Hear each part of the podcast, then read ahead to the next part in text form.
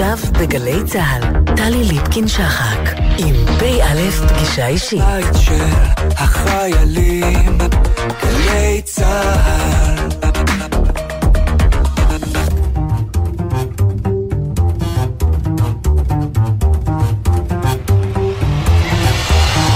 שלום לכם, שבוע טוב לכם.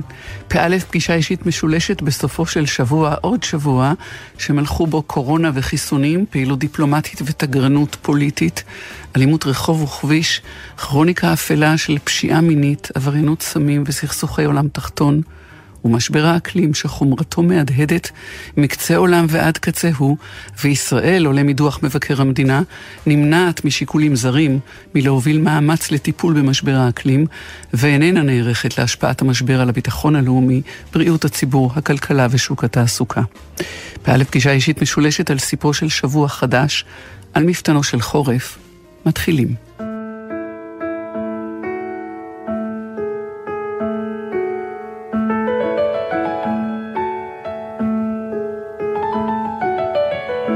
אפילו בשרב הכי כבד, ידעתי שהגשם עוד ירד. ראיתי בחלון שלי ציפור, אפילו במשב סופה וקור. לא פעם זה קשה, אבל לרוב מילה מיד עושה לי טוב, רק מילה טובה, או שתיים לא יותר מזה. אה, אה, אה, לה לה לה לה לה.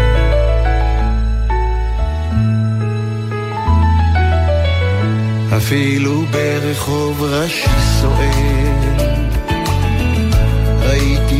איש יושב ומנגן. פגשתי אנשים מאושרים אפילו בין שבילי עפר צרים. תמיד השארתי פתח לתקווה אפילו כשכבתה האהבה. חלמתי על ימים יותר יפים, אפילו בלילות של הטרופים. לא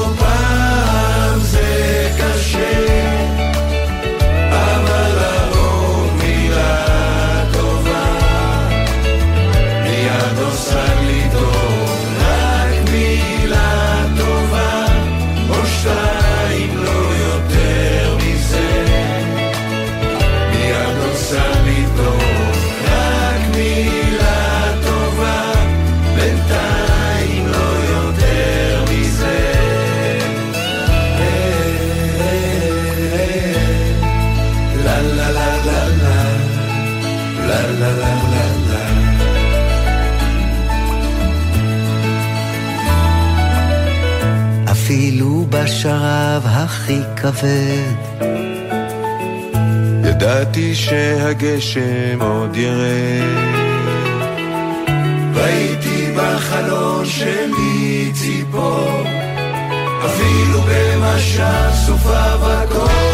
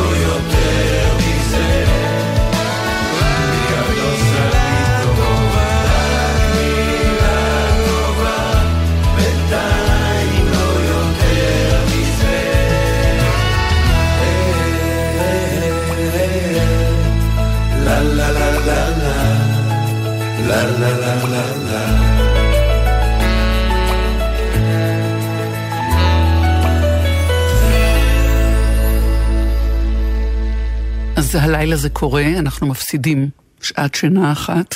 פרופסור ערן טאובר, ראש המעבדה לחקר שעונים ביולוגיים באוניברסיטת חיפה, שלום לך. שלום, ערב טוב, שלום למאזינים. ערב טוב, וכשאני חושבת על זה, וזה תמיד אותה הטעות. אנחנו מפסידים שעת, נכון. ש... שעת שינה או מרוויחים שעת שינה? אנחנו מרוויחים הלילה. אנחנו מרוויחים הלילה, כן. בדיוק. אבל אה, אני לגמרי מזדהה איתך, כי אני הרבה שנים אה, התבלבלתי עם החלפת השעון, וכל פעם מזכיר לי את ה... הייתי הרבה שנים אה, באנגליה, וביום ראשון היה הסנדיי סקול של הבנות שלי, וכל פעם שהייתה החלפת שעון הייתי מגיע לא בשעה הנכונה. ומילא אני, אבל אתה בטוח בן אדם מאוד אינטליגנטי ועם ראש אנליטי. אז מה שאומרים אה, באנגלית, spring forward, fall backward. נכון. ואז זה עוזר. אני המצאתי את הגרסה העברית, כן. לרווחת המאזינים, חורף, חזרה, קיץ, קדימה. טוב, אבל תסכים איתי שספרינג פורוורד, זאת אומרת לדלג קדימה, זה יותר מתאים, משחק הלשון הזה. אוקיי. מכל מקום, אז אוקיי. אנחנו הלילה מזיזים את השעון אחורה, מקבלים עוד שעת שינה, מקבלים אה, חורף ארוך. אה, עם שעון חורף, אתה מומחה לשעונים ביולוגיים, ואתה אומר שהשעון, שהוא השעון, ה, איך נקרא לו, התרבותי, השעון ה, ה, הלא ביולוגי, חברתי. איך כן. תרבותי, נניח השעון החברתי, כן. אה, עומד בסתירה או משבש את הזה הביולוגי כשמשנים ומחליפים את השעה. כן, בהחלט, אני שמח שאת אה, מעלה את זה. אולי נעשה צעד אחד אחורה ובעצם נסביר את הבסיס לשעון שלנו. אז יש לנו שעון ביולוגי שמתקתק ובעצם מתזמן את כל המקצבים של הגוף שלנו ומאות תהליכים פיזיולוגיים אה, והורמונליים, ביוכימיים, מולקולריים, מאות תהליכים כאלה עוברים אה, תנודות יומיות, כשלכל אחד יש את הפיק היומי שלו, והן בעצם מתוזמנות על ידי השעון הביולוגי הזה. השעון הביולוגי הזה, יש לו זמן מחזור שהוא לא בדיוק 24 שעות, בבני אדם הוא קצת יותר ארוך מ-24 שעות, יש בעלי חיים ש... או צמחים שהוא יכול להיות יותר קצר, אבל זה אנחנו רואים רק בתנאי מעבדה. בעולם הטבעי, הזמן המחזור הזה הוא נהיה בדיוק 24 שעות בגלל שהשעון שלנו מסתנכרן לשמש.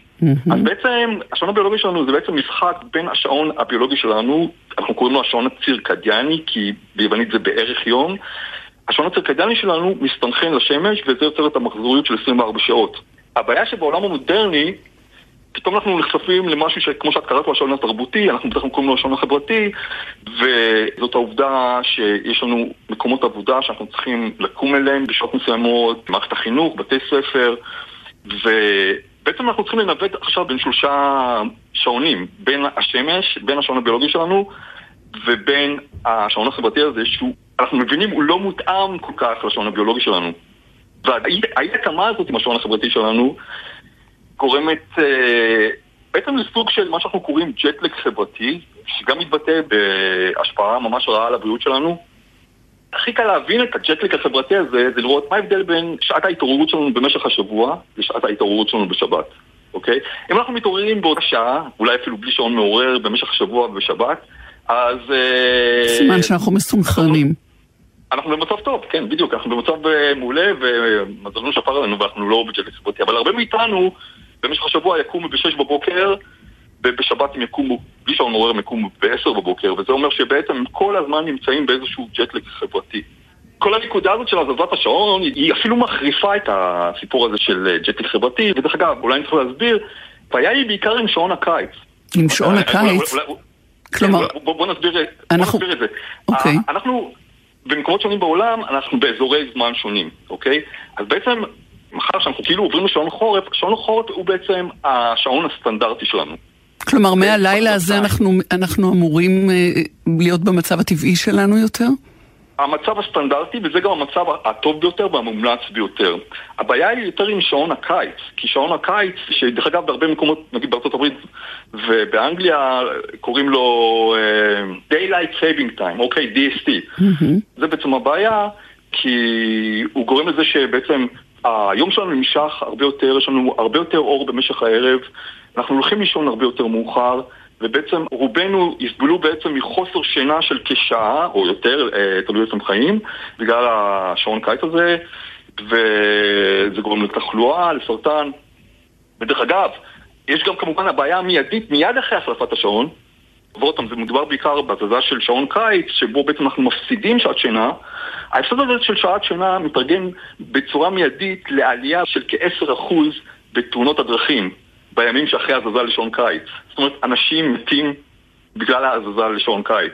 יש גם עלייה במקרים של התקפות לב, אז אה, יש נזק מיידי של התזוזה לשעון קיץ, ויש גם נזק קצת שהוא יותר ארוך טווח. אז אני רוצה לשאול אותך אה, בתור מי שחוקר אה, אבולוציה, עד כמה, מכיוון שאנחנו כבר אה, עשרות שנים ויותר נתונים בשיטה הזאת של החלפת שעון, האם זה זמן קצר מדי לגוף ולאדם להתרגל לשינויים הללו ולחיות איתם בשלום? לא. זו נקודה מעניינת כי היא מעבירה אותי, קודם כל התשובה היא לא, אוקיי? השעון הביולוגי שלנו הוא לא שריר, אוקיי? שהוא יכול, אה, אפשר להתאמן אליו. ואני מקבל את השאלה הזאת בהקשר אה, אחר, אבל מאוד חשוב, מאוד דומה, כי, אוקיי, הזזת השעון זה רק אה, כאילו פעמיים בשנה, ואולי באמת זה לא איזה משהו שהוא אה, מאוד מאוד דרמטי, אבל יש משהו אחר שהוא הרבה יותר בעייתי בשבילנו, וזאת העבודה במשמרות. כי בעצם רבים מאיתנו, משהו כמו שליש מכוח העבודה המודרני עובד במשמרות. זאת אומרת שהרבה אנשים בעצם צריכים להיות פעילים, צריכים לעבוד בשעות שהן לא, לא טובות לשעון הביולוגי שלהם. אה, וזה כבר לא קשור לשעון קיץ חורף, זה פשוט אה, חלק מהשיטה והעולם התעשייתי המפותח. כן, לא, אבל זה מדגיש את אותה בעיה של ג'טלג חברתי חמור כן. ומתמשך. שבו בעצם אנחנו מאתגרים את השעון הביולוגי שלנו ו... עושים לעצמנו נזק. אנחנו רואים עלייה בתחלואה, זאת אומרת למשל שיעור הסרטן בקרב עובדי המשמרות הוא בצורה משמעותית יותר גבוה מכלל האוכלוסייה. כן. אה, ועוד פעם, הכל בעצם קשור עוד פעם לאור, זו גם נקודה מאוד חשובה, כי בעצם אחת ההמצאות של החיים המודרניים זה התורה, זה האור המלאכותי, וכמובן שזה דבר מאוד מאוד חיובי, אבל אנחנו מבינים היום שיש איתו גם הרבה נזק, עד לרמה שארגון הבריאות העולמי אה, עכשיו אה, מתייחס לתאורה מלאכותית כגורם מפרטן, אוקיי? אז תאורה מלאכותית זה העישון החדש. בעצם הבעיה העיקרית של עבודה במשמרות, שהיא מוציאה אותנו מהתחום הנוח של השעון שלנו, זה החשיפה לאור מלאכותי בזמן הלא נכון. בשביל לחזור... בשביל לחזור פרופסור ערן אה, טאובר אל, אל מה שפתחנו בו ואל השעון, שעון החורף שייכנס הלילה לתוקפו כשמזיזים שעה אחורה, אני חוזרת ושואלת אותך מבחינתך, נכון לבטל את המערך הזה וכמה סיכוי יש שזה יקרה? אוקיי, okay, אז uh, זה בעיה בשני שלבים, כי למעשה יש הסכמה מאוד רחבה לביטול הזזת השעון. למשל באיחוד האירופי הם כבר קיבלו החלטה לפני שנה שהם מבטלים את הזזת השעון והמדינות יהיו בשעון אחד כל השנה. אוקיי? והרבה מדינות כבר עברו לביטול השעון, הרבה, בהרבה מדינות אין הזזת שעון, בארצות הברית אה, יש אה, גם מגמה אה, לבטל את הזזת השעון. אז הבעיה הראשונה, יש קונצנזוס לגבי הצורך בלבטל את הזזת השעון. הבעיה מתחילה אבל בלעבור למה? כי יש הרבה מדינות שדווקא רוצות אה, לעשות את שעון הקיץ בתור השעון, השעון השנתי שלהם. זאת אומרת, שעון, שעון mm-hmm. קיץ כל השנה, אוקיי? אה, להספיק יותר. כן, האמת שעוד פעם, אני שנה שעברה פרסמתי מאמר בנושא על הבעיות הבריאותיות של שעון הקיץ, והופתעתי מ... מרמת האנטגוניזם שהחלק מהקוראים אה, הביעו, זאת אומרת, הרבה מהקוראים רוצים לעבור לשעון אחד, אבל שהשעון הזה יהיה שעון קיץ, כי הם מאוד אוהבים את האור בקיץ, ואני מזדהה עם זה לחלוטין, ואני יכול להבין את זה. ודרך אגב, יש גם יתרונות לשעון הקיץ, אה, למשל, באמת, למשל רואים ירידה בשיעור תאונות הדרכים, בגלל ה... יותר אור אה, בערב בקיץ, יש ירידה בפשיעה, אבל קודם כל יש כמובן את הבעיה שאם אתה עובר לשעון קיץ תמידי, אז בחורף יש לך בעיה רצינית, כי בעצם אתה הולך לעבודה בחושך, לפני הזריחה, אוקיי? וזה, זאת פעם, בעיה בריאותית אה, לא פחות משמעותית, גורמת לדיכאון, גורמת למחלות נפשיות אחרות. אנחנו צריכים את, ה... אנחנו צריכים את האור הזה בבוקר, ואנחנו צריכים פחות אור בלילה. כי האור בלילה, מאוחר בלילה, בעצם גורם לדחיית אה, זמן התחלת השינה שלנו, ואנחנו בעצם ישנים פחות. אז לפחות אה, מבחינה ביולוגית יש הסכמה ששעון הקיץ הוא לא בריא. אני דרך אגב, הסתכלתי כי לפני שנה ynet עשו כזה סקר בקרב הקוראים, מה הם חושבים? צריך uh, לבטל או לא לבטל? אז עכשיו, הסתכלתי בתוצאות של הסקר הזה, אז 70% היו בעד אה, ביטול הזזת השעון, אוקיי? רק 30% חשבו ש... שצריך להשאיר אותו. וזה מתוך איזה 9,000 אה, אנשים, אז אני חושב שזה דווקא מאוד מעודד, ואני מקווה באמת שמקבלי ההחלטות יפנימו את, ה... את הרעיון הזה שבאמת כדאי לבטל את הזזת השעון. פרופסור ערן טאובר, איש אוניברסיטת חיפה, ראש המעבדה לחקר שעונים ביולוגיים, חבר בחוג לביולוגיה אבולוציונית וסביבתית ובמכון לאבולוציה. תודה שדיברת איתנו, שיהיה שבוע טוב וחורף טוב. שבוע טוב, תודה. שלום.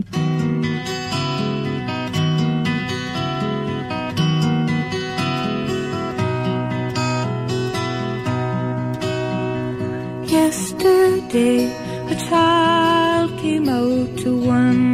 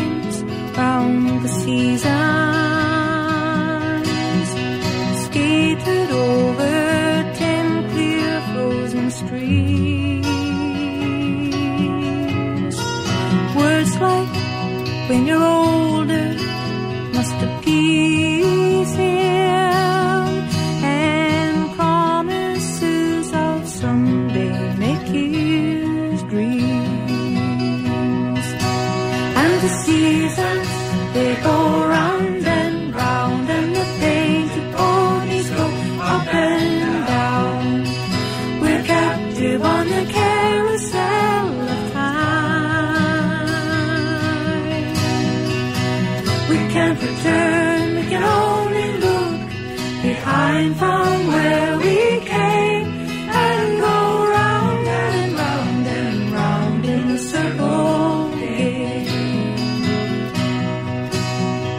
Sixteen springs and sixteen summers gone now.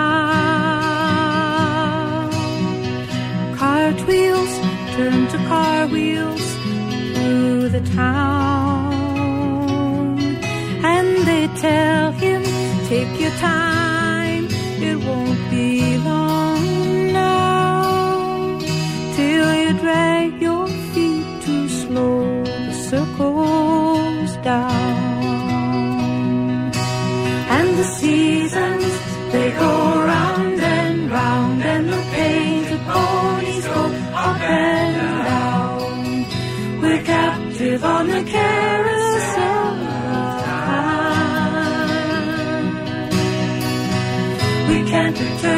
we can only look behind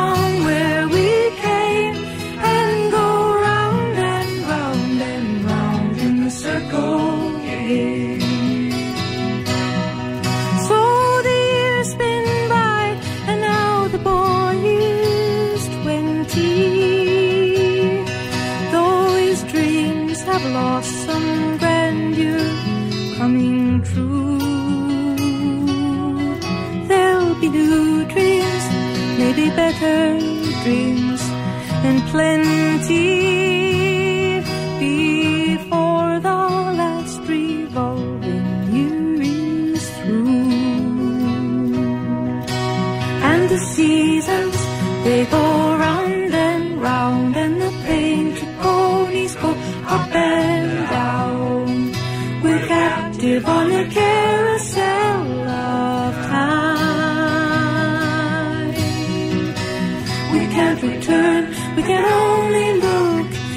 Climb from where we came and go round and round and round in a circle. Yeah.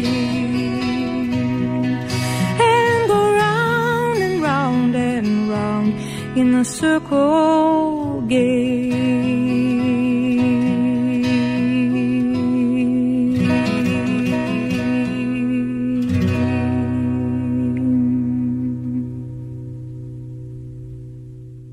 השבוע הזה, גם שבוע הזה, גבה מחיר דמים בכבישים. לפחות 302 בני אדם נהרגו בשנת 2021 עד יום רביעי בשבוע. שלום לך, פרופסור טובה רוזנבלום. שלום. את ראש המכון לחקר הגורם האנושי לתאונות דרכים מהמחלקה לניהול באוניברסיטת בר אילן. מה גרם לך להקים מכון כזה, יחיד במינו למיטב ידיעתי אצלנו? כולם מסכימים שהגורם האנושי מהווה 90 אחוז, אם לא למעלה מזה, מהסיבות, בעוד שהעשרה אחוזים הנותרים מתחלקים לגבי תשתיות ורכב, עד שהוקם המכון, עסקו בנושא מבחינה מחקרית בטכניון. כמובן, קצת באוניברסיטת בן גוריון שבנגב, אבל מההיבטים היותר הנדסיים שמתייחסים באמת לתשתיות, לרכב, כמובן שיש אדם בפנים, אבל בלי דגש על הגורם האנושי. והפער הזה ממש זעק. כאילו, אתם כולכם מסכימים שהתשתיות תורמות אה, באופן חיובי או שלילי, או מונעות, תרומה כל כך שולית ל- לכל התמונה, וכנ"ל הרכב, אז איך אתם אה, לא מתעסקים בגורם האנושי? שזה עדיין, כשאומרים גורם אנושי, זה מכלול של אספקטים. Mm-hmm. הגורמים הפסיכולוגיים, הסוציולוגיים, הקרימינולוגיים, החינוכיים, התפיסתיים. הכל, המשפטיים, כל מה שקשור לבני אדם, החל מרמת מקבלי ההחלטות ועד אחרון משתמשי הדרך. כשאחד הדברים המעניינים הוא שבישראל שיעור ההרוגים הולכי רגל מכלל הקורבנות הוא הגבוה ביותר במדינות, מהמדינות המערביות האחרות. השיעור נע בין שליש, שזה 33 אחוזים, עד ל-40 אחוז בשנים מסוימות, ו... ואיזה פלא, גם כשיש ירידה נניח, בשנה מסוימת נרשמו פה ושם ירידות בכלל בהרוגים ונפגעים, אז היחס הזה נשמר. שזה, פרופסור רוזנבלום, הוא, הוא סוג של אינדיקציה לכך שזה לא שאלה של תשתית בהכרח, אלא באמת ההתנהגות האנושית. או שגם גם חצייה או, או התנהגות הולכי רגל קשורה במידה מסוימת לפחות לתשתיות. יש... תמרור שמוסתר על ידי עץ, ובגלל זה נהגים לא עוצרים שם. או ככל שהנהג מאט יותר את אה, נהיגתו לקראת מעבר חצייה, הסיכוי שהוא יעצור להולך רגל הוא גבוה הרבה יותר. ולכן כדאי לעשות למשל אה, את כל הבמפרים האלה. אז מן הסתם מי שנוהג ברכב שווה, אז הוא רוצה לשמור עליו.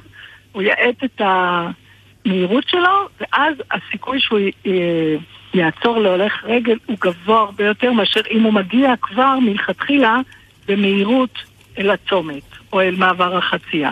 אז בוודאי שיש אה, חלק לתשתית, כי הבמפר זה חלק מתשתית, אבל עדיין אין עיסוק, לא היה עד להקמת המכון עיסוק גורף בכל הנושא של התנהגות משתמשי דרך. ואני אשאל אם אה, הפגיעה בהולכי רגל לא אה, משקפת איזה זילות של חיי אדם בחברה שלנו, בתרבות ממש מקומית שלנו. כן, את מזכירה לי את הנושא המרכזי בעצרת שהתקיימה לפני עשרה ימים לזכר רבין בכיכר. הוזמנתי לנהל מעגל כזה ממש לפני עשרה ימים, כשנושא. בגדול היה קדושת החיים. אני שאלתי אותם מה הם חושבים שבישראל של ימינו, מהו הערך שאותו אנחנו מקדשים. כי מקובל לחשוב, אני עדיין רוצה להאמין שישראלים מקנים חשיבות עליונה לערך חיי אדם, הרבה יותר מתרבויות ודתות וכולי אחרות. אבל בכל זאת יש כרסום בקטע הזה. ואז באמת אנשים אמרו את מה שאני חשבתי, הערך של הצלחה, כסף, זמן. הזמן שלנו הוא ערך עליון בחברה הישראלית. כולנו נורא נורא ממהרים. ולכן עוברים באור אדום ו- ו- ודורסים, כן. רומסים ופוגעים. למשל. גם אם אנחנו, נכון, מאוד עייפים, אה, עייפות היא אחד הגורמים הקריטיים לתאונות קטלניות דווקא, לא נוותר על הנהיגה, כי מה פתאום, אנחנו ממהרים, אנחנו צריכים להגיע. ומה באשר לתרבות הציות לחוק אצלנו? השתתפתי במחקר אה, משווה שכלל את יוון מצד אחד ואת נורבגיה מצד שני, ובדקנו איפה נמצאת ישראל. אנחנו, כמו שאני שיערתי, וכך בדיוק יצא, אנחנו היינו במקום טוב באמצע. כלומר, היינו הרבה הרבה הרבה יותר טובים מיוון, מבחינת הציות לחוק, מבחינת ההסכמה לפטרנליזם של המדינה, זאת אומרת שהמדינה תחליט עבורי דברים מסוימים, אפילו קרובים טיפה פחות מנורבגיה, אבל מאוד דומים ל- לנורבגיה. וחשוב לדעת שמדינות סקנדינביה, נורבגיה, שוודיה ופינלנד, הן כל שנה אה, מתחרות על המקום הראשון מהצד הטוב בבטיחות בדרכים. אני רוצה לשאול אותך משהו על, על הגרף הזה של שינוי בהתנהגות האנושית במשך השנים, ממה הוא מושפע. למקד את זה רגע ב, במעבר שלנו מהסגרים ליציאה מהסגר, שזה זה לא תהליך אה, על פני ציר הזמן, אבל הוא, הוא, הוא, והוא אה, היה פתאומי ומיידי, הוא ניכר אבל בהתנהגות גם על הכביש. כל הירידה שמתהדרים בה בשנת אה, 2020 נובעת מהסגרים כמובן, אבל זה עבר לנו, זה עבר לנו, אנחנו חזרנו לסורנו. השאלה אם חזרנו לסורנו, או שיצאנו עוד יותר פרועים משנכנסנו. לא, לא, אולי בימים הראשונים, אבל לא, לא באופן אה, משמעותי. יש מחקר ישן מה, של אה, שנת 2000. האינתיפאדה השנייה. החוקר, גיא סטקלוב מהאוניברסיטה העברית, הראה בצורה ממש אה, מפורשת שבימים שהיו הפיגועים הגדולים, באותו יום לא היו בכלל תאונות קטלניות על הכביש. למחרת היו טיפה יותר, אחר כך קצת יותר, ואחרי שלושה ימים חזרנו למפלס שהיה לפני הפיגוע, וזה חזר על עצמו, הדפוס הזה, ממש עם כל פיגוע. כמובן, אז האם פרופסור טובה רוזנבלום, מה שאת אומרת בשורה התחתונה היא שטבע האדם הוא טבע האדם, והמפלס הוא, הוא די אה, אה, יציב בסופו של דבר, עם פיקים. סמארטפון וכולי, אלה לרעתנו, מאוד, אבל עדיין יש שיפור אה, באופן אה, משמעותי גם בתרבות שלנו. אני, אני חושבת שהחינוך בבתי ספר, ההסברה, היא לאורך הזמן היא טובה, היא חכמה. החוקים, עוד עניין אחד שלפני שניפרד, אה, פרופסור רוזנבלום, אוקיי. יש איזשהו מעקב אחרי התגובות הרגשיות של אנשים שמעורבים בתאונות קטלניות? יש על זה עבודות, אה, למשל אה, בכלא אפילו, של אנשים שישבו במאסר בגלל שהרגו בני אדם. יש חרטה ברמה מאוד מאוד מאוד גבוהה. אה, אנשים אה, מקבלים את עונשם קודם כל, כשהם מקפחים את חייהם של אנשים אחרים, ובאמת אה, זה אסון נוראי, ומביעים את זה בצורה מאוד מאוד קשה. הרבה מהם אחר כך מתנדבים למקומות כמו בתי חולים, מרכזים לשיקום, אה, להרצאות. אני עצמי נכחתי בהרצאות כאלה בעבר. הם חוזרים לנהוג? ש... הם חוזרים לנהוג, כן. חוזרים לנהוג. ואיזה נהגים הם כשהם חוזרים לנהוג? אה, הרבה יותר רגועים. הרבה יותר רגועים.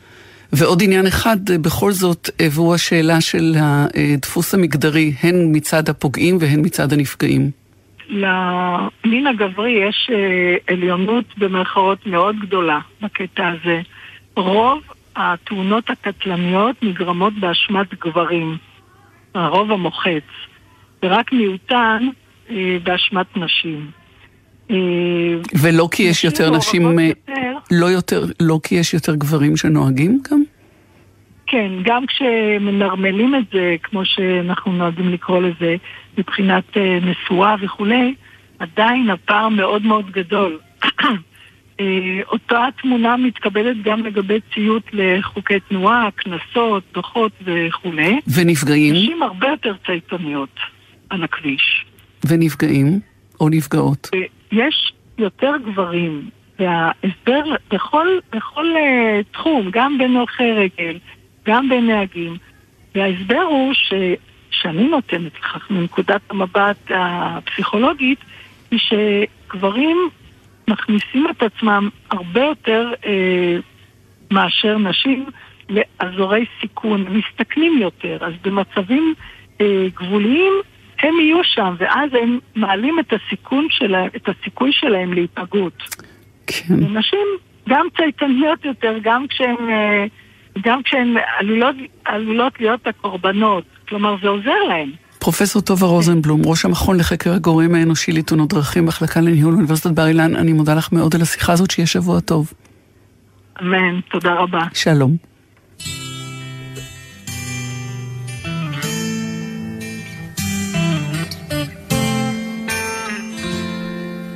נוסעים במכונית הישנה לתוך הלילה הרטוב הגשם שוב נהיה כבד ולא רואים ממטר. סע לאט. צבי אומר שגשמים כאלה מזיקים לחקלאות. ואני חושב כמה חם בבית. ואיזה מסכנים החיילים ששוכבים עכשיו בבור. סע לאט, סע לאט. ברדיו החלפון של הגשש פתאום התחילו חדשות. הלילה ירד ברד כבד, אצלי הלך אבישר. צבי אומר שקר לו בראש לסגור איזה חלום. ואני חושב, הפועל שוב הפסידה. ואיזה מסכנים האוהדים שאוכלים להם את הלב. סע לאט, סע לאט, תן למחשבות לרוץ לכל הכיוונים.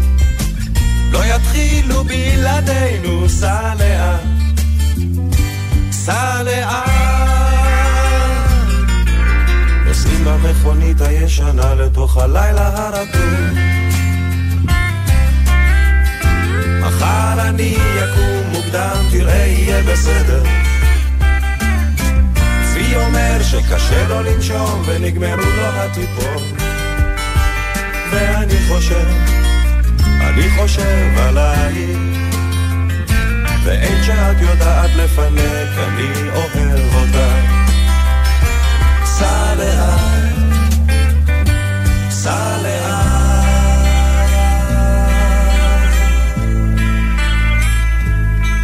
אתה זוכר שנסענו לאילת? ירדנו אל המים, כולם היו בראשך. שרנו ביטלס בקולות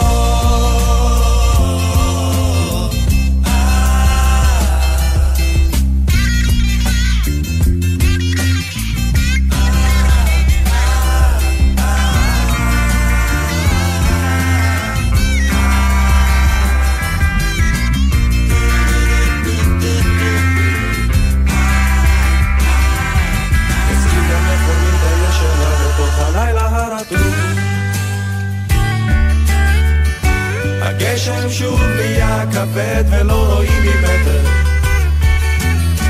צבי אומר שגילו כוכב שיש עליו חיים. ואני חושב, עוד מעט זה עזה. ורק שלא יעוף איזה רימון ונלך לעזאזל. סע לאט, סע לאט, לכל הכיוונים. לא יתחילו בלעדינו, סע לאן. סע לאן. תן למחשבות לרוץ לכל הכיוונים. לא יתחילו בלעדינו, סע לאט. נוסעים במכונית נכון, הישנה לתוך הלילה הרטוב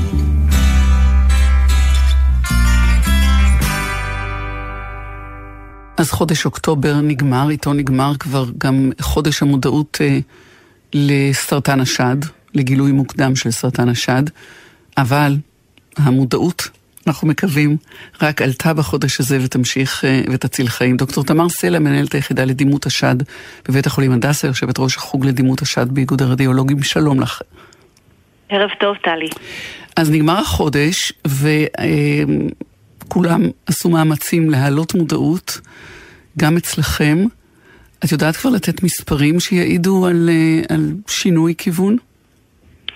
אמ, אני יודעת אה, לתת מספרים מדאיגים לגבי תקופת הקורונה ובדיקות סרטן השד. כשדוח מבקר המדינה על אה, תקופת הקורונה ציין ירידה בבדיקות ממוגרפיה לגילוי מוקדם של בין 14 ל-17 אחוז. וזה נבע מכמה סיבות, אה, גם מהפחד של אנשים לצאת מהבית ולהגיע להיבדק, וגם מההתארגנות שהיינו צריכים ללמוד איך להתארגן ולהתמודד במכונים אה, מבחינת התמגנות, מבחינת חשיפה. מכל מיני בחינות, אה, באמת הייתה ירידה משמעותית. ולכן לכן החודש הזה היה, או שנדמה היה לי מאוד פעיל ומאוד, אה, אה, אה, לא אגיד צעקני, אבל רועם, נגיד כך. נכון, באמת הייתה פעילות מאוד נרחבת החודש, מכיוון שהרבה נשים פספסו, פספסו פשוט שנה או שנתיים אפילו של מעקבים בגלל הפחד מהקורונה. אני רק רוצה לציין איזשהו מחקר בריטי, זאת בעיה כלל עולמית, זו לא הייתה בעיה רק אצלנו, זו הייתה בעיה כלל עולמית, ויש מחקר בריטי שבנה מודל ו, אה, והעריך שבעקבות הירידה בבדיקות לגילום מוקדם, בתחילת תקופת מגפת הקורונה, צפויה בעוד חמש שנים עלייה בתמותה מסרטן שד, שבין חמישה לשבעה אחוז. שזה מאוד מאוד מדאיג. ואכן כן, אנחנו התארגנו כולנו חזרה, האוכלוסייה ברובה הגדול מחוסנת, אנחנו צריכים אה, לחזור לשגרה, שגרה בריאה, שכוללת בתוכה גם בדיקות לגילוי מוקדם של סרטן שד. אנחנו יודעים שאלה בדיקות שמורידות את התמותה. מסרטן שד בצורה משמעותית. הן מגלות את הגידולים בשלבים הרבה יותר מוקדמים ומאפשרות טיפול עם ריפוי. כשסרטן שד מתגלה בשלב המוקדם ביותר, סיכוי הריפוי מעל 90 אחוז. אבל אנחנו יודעים, משמעותי. אנחנו יודעים, דוקטור תמר סלע, שתמיד אל מול זה עומדת הדילמה אם uh, לחשוף נשים לקרינה של ממוגרפיה, uh, באיזו תדירות, כדי לא להאיץ חלילה הליכים או, או לא לייצר אותם. אוקיי, okay, אז uh, זאת בהחלט שאלה מצוינת על הקרינה, כי באמת יש נשים שמפחדות לבוא לבצע ממוגרפיה. יש גם רופאים שנמנעים מלהמליץ על ממוגרפיה בגלל החשיפה לקרינה, וכן, ממוגרפיה היא צילום רנטגן ויש בה קרינה, אבל היא צילום רנטגן מותאם לבדיקות חוזרות במינון קרינה נמוך. במיוחד עם המכשירים החדשים. הדיגיטליים שיש לנו, ששם מינון הקרינה הוא עוד יותר נמוך. אני רק רוצה לציין שכמות הקרינה שאישה נחשפת אליה בממוגרפיה אחת, שזה כולל ארבעה צילומים, היא שוות ערך לכמות הקרינה שנחשפים אליה בטיסה טרנס-אטלנטית מתל אביב לניו יורק הלוך ושוב. אנחנו נחשפים לקרינה, נחשפים לקרינה בהרבה מאוד סיטואציות בחיים, אה, וכמות הקרינה שבממוגרפיה היא לא מאוד גבוהה, יש בה סכנה מאוד מאוד מאוד נמוכה להאיץ תהליכים, שהיא מזערית לעומת התועלת שבגילוי מוקדם של סרטן שד בעזרת הבדיקה. כן, אמרת קורונה, אה, דוקטור תמר סלע, ונזכיר שבמהלך אה, אה, מבצע חיסוני הקורונה עלתה בין היתר הדאגה של נשים מבלוטות לימפה מוגדלות. נכון, אה, אנחנו בהחלט נחשפנו, אנחנו לומדים, למדנו ולומדים עם הזמן על תופעת לוואי לא מסוכנת. די שכיחה אה, ש...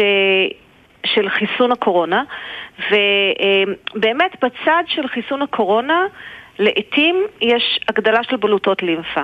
לעתים רחוקות זאת יכולה להיות הגדלה שהאישה ממש, או הגבר גם, שהמחוסן ממש ממשש ומרגיש גוש בבית השחי.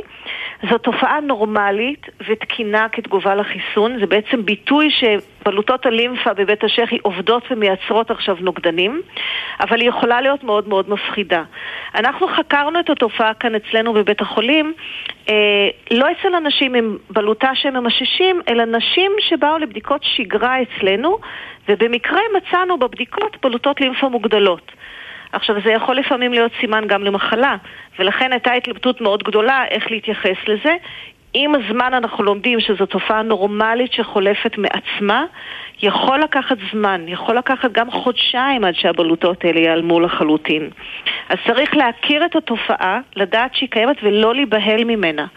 אנחנו אגב, טלי, עכשיו מתשאלים כל אישה שמגיעה אלינו לבדיקות שגרה, לבדיקות מעקב, האם היא קיבלה חיסון קורונה, באיזה צד ומתי בוצע החיסון, כך גם בבדיקות MRI ובבדיקות נוספות. אנחנו אה, אה, אה, עדים לתופעה הזאת גם אצל אנשים שעובדים בדיקות מעקב ב-PET-CT למשל. הדיווחים בספרות מתחילים להתעורר מכל הכיוונים. צריך להכיר את התופעה ולא להיבהל ממנה בעיקר.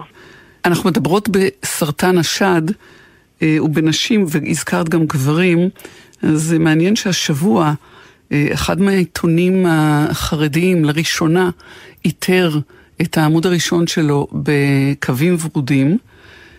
ובזה, והתייחס, הוא לא קרא לזה סרטן שד, כי מילה שד כנראה לא נוחה לשימוש, אלא מחלת הנשים. האם את באמת רואה איזושהי מודעות יתר גם בחברה החרדית היום? אני בהחלט רואה מודעות הולכת ועולה בחברה החרדית. אמ, אנחנו עובדים בשיתוף פעולה מאוד קרוב עם האוכלוסייה החרדית, עם העיתונות החרדית. אנחנו מדי שנה כבר כמה שנים שאנחנו מתראיינים גם לתקשורת החרדית, תוך הימנעות משימוש מילים שפחות נוח להם איתם, תוך uh, התאמה של המסר uh, לסגנון שהוא יותר נעים לחברה החרדית או יותר מתאים לחברה החרדית. בהחלט אנחנו רואים עלייה במודעות. ולפני כעשור, כשהסתכלו על הנתונים של שכיחות סרטן השד ושל היענות לבדיקות לגילוי מוקדם, זיהינו שתי אוכלוסיות שאצלהן הייתה היענות יותר נמוכה לבדיקות לגילוי מוקדם, ואלו היו האוכלוסיות אה, במגזר הערבי והאוכלוסיות של הנשים החרדיות. זה מחקרים שהאגודה למלחמה בסרטן ונתונים של משרד הבריאות עוקבים אחריהם כל הזמן. בעקבות פעילות מאוד נמרצת באוכלוסיות האלה, אה, יש היענות הרבה יותר גדולה היום לבדיקות. אה, וכתוצאה מכך יש גם אבחון יותר של סרטן שד, ברובו בשלבים מוקדמים, mm-hmm. גם uh, אצל נשים באוכלוסיות הללו. כדי לדייק את, אה, את מה שאמרתי קודם, זה כיכר השבת, זה האתר שבו איתרו בפסים ורודים, והם קראו לזה סרטן הנשים. אבל צריך לזכור שגם גברים חשופים לסכנה של סרטן השד.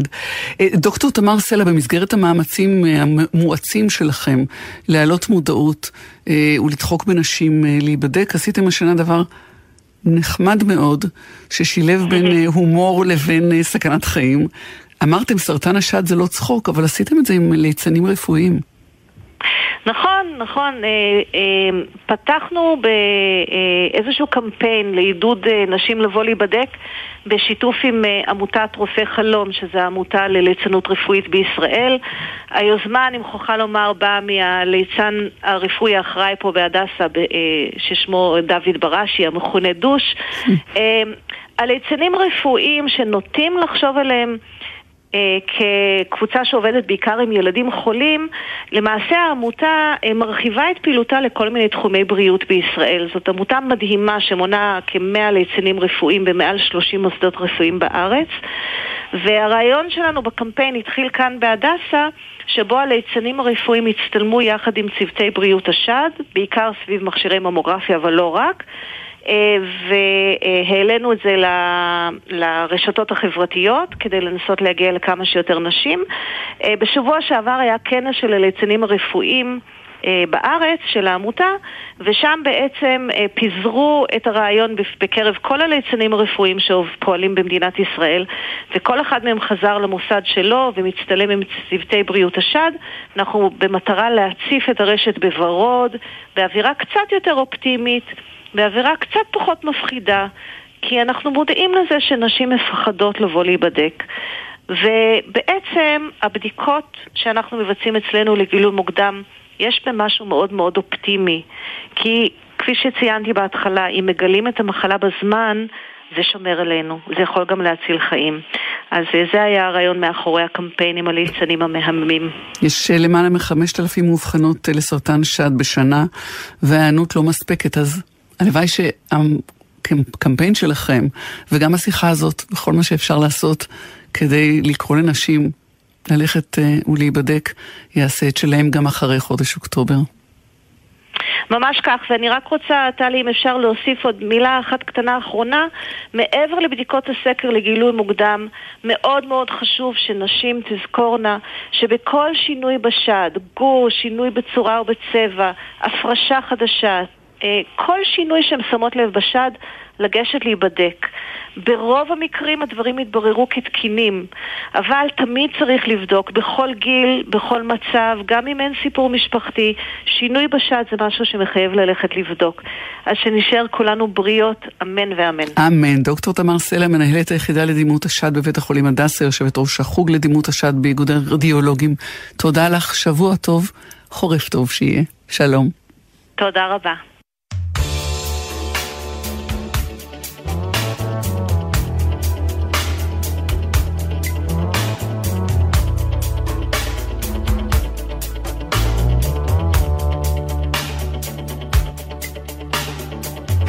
את המשדר הזה עשו איתי ניצן שקדי, יפעת גלר ועומר נותקביץ', הטכנית הייתה שי שלם, יורם מרגלית היה בפיקוח הטכני, אני טלי ליפקין שחק. שבוע טוב לכם כולכם, היו שלום.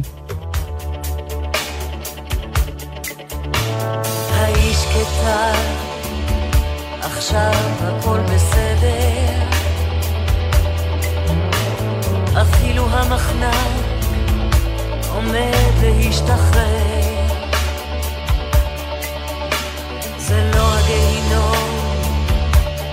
ובטח לא גן עדן. זה העולם שיש, ואין עולם אחר. האיש קטע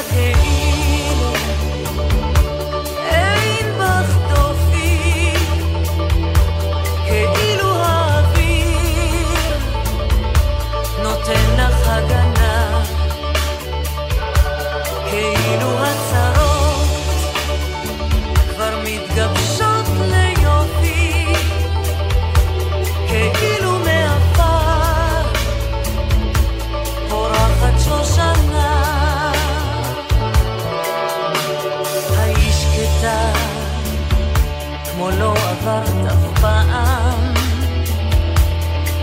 כמו לא היית צרימה בנוף המטופח, כמו ראית כף יד בתוך אגרוף הזעם, כמו אלומת האור, הנה מצאה אותך. האיש כתב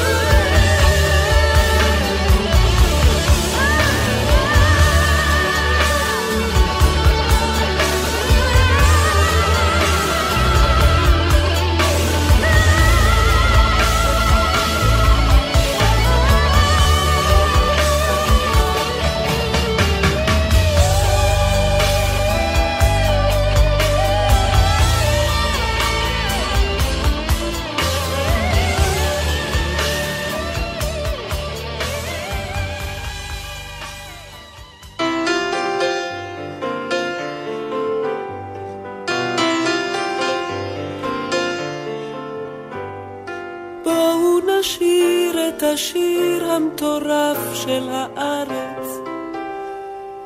בואו נשיר את השיר הצהוב של החול. יחפנים מתהלכים לאורכה ולרוחבה של הארץ, ועושים איתה אהבה אנשים פורקי עול.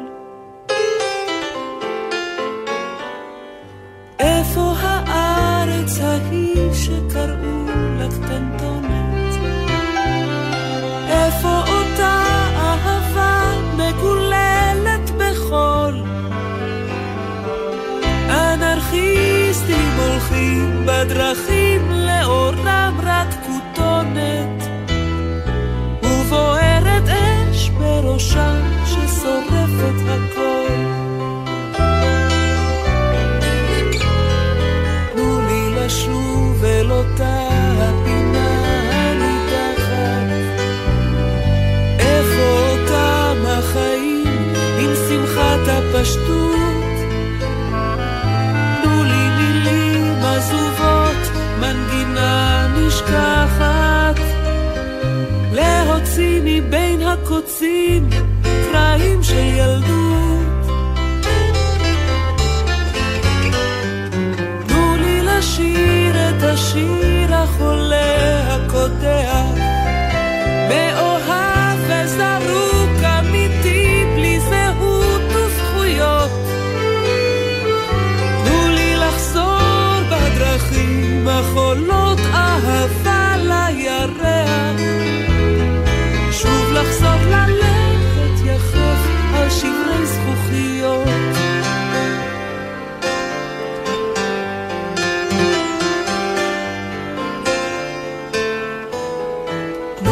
לשוב אל אותה הפינה מתחת.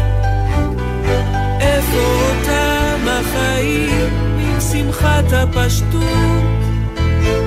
תנו לי מילים עזובות, מנגינה נשכחת. להוציא מבין הקוצים קרעים של ילדות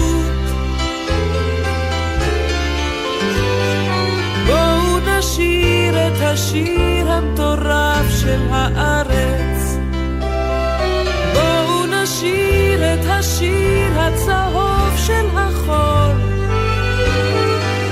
יחפנים מתהלכים לאורכה ולרוחבה של הארץ.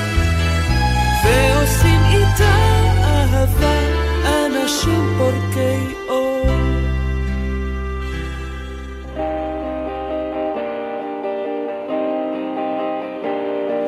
סופות מתוכי ומחוץ. מה נשמע, נשמע, סוף השבוע, הבית של החיילים. גלי צה"ל, יותר מ-70 שנות שידור ציבורי. כיצד השתנו כללי המשחק של התרבות הפוליטית? מדוע בננה על קיר נחשבת ליצירת אומנות? ומה הקשר בין המהפכנית רוזה לוקסמבורג לשאול המלך? אתם סקרנים? אנו מזמינים אתכם ללמוד בקורסי האסכולות של האוניברסיטה הפתוחה לקהל הרחב, באולמות או בזום. 1-700-700-169 תגיד, אתם כבר מוכנים לתרגיל העורף הלאומי? תרגיל העורף? איך זה בדיוק קשור אליי? מה זאת אומרת איך? אתה העורף. אני העורף? אתה העורף, אני העורף. הילדים שלנו הם העורף. במסגרת המוכנות לשעת חירום מתקיים תרגיל, וביום רביעי, כ"ח במרחשוון, שלושה בנובמבר, תתקבלנה התראות ותישמענה אזעקות ביישובים רבים בארץ. רגע, מה צריך לעשות? היכנסו לפורטל החירום הלאומי, התעדכנו במידע ובהנחיות, וודאו שגם אתם מוכנים לשעת חירום. הוא העורף, ספרית שלי היא העורף, זאת שעושה לי לק ג'ל... מוגש בשיתוף פיקוד העורף ורשות החירום הלאומית. רוכבי אופנוע וקטנוע, שימו לב, בדיקות תקינות כלי הרכב לחורף הורחבו והתבצעו חינם, גם באופנועים ובקטנועים. אם טרם הספקתם להכין את האופנוע שלכם לחורף, היכנסו לאתר איגוד המוסקים בכתובת iga.org.il. עתרו מוסך מוסמך ובצעו בדיקת בטיחות למערכות האופנוע, בלמים, צמיגים, אורות והיגוי. הבדיקה חינם, מחויבים לאנשים שבדרך. הרלב"ד ואיגוד המוסקים.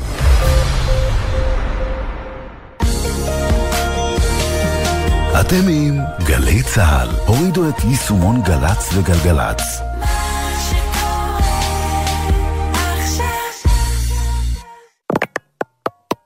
מיד אחרי החדשות, רבית הכט.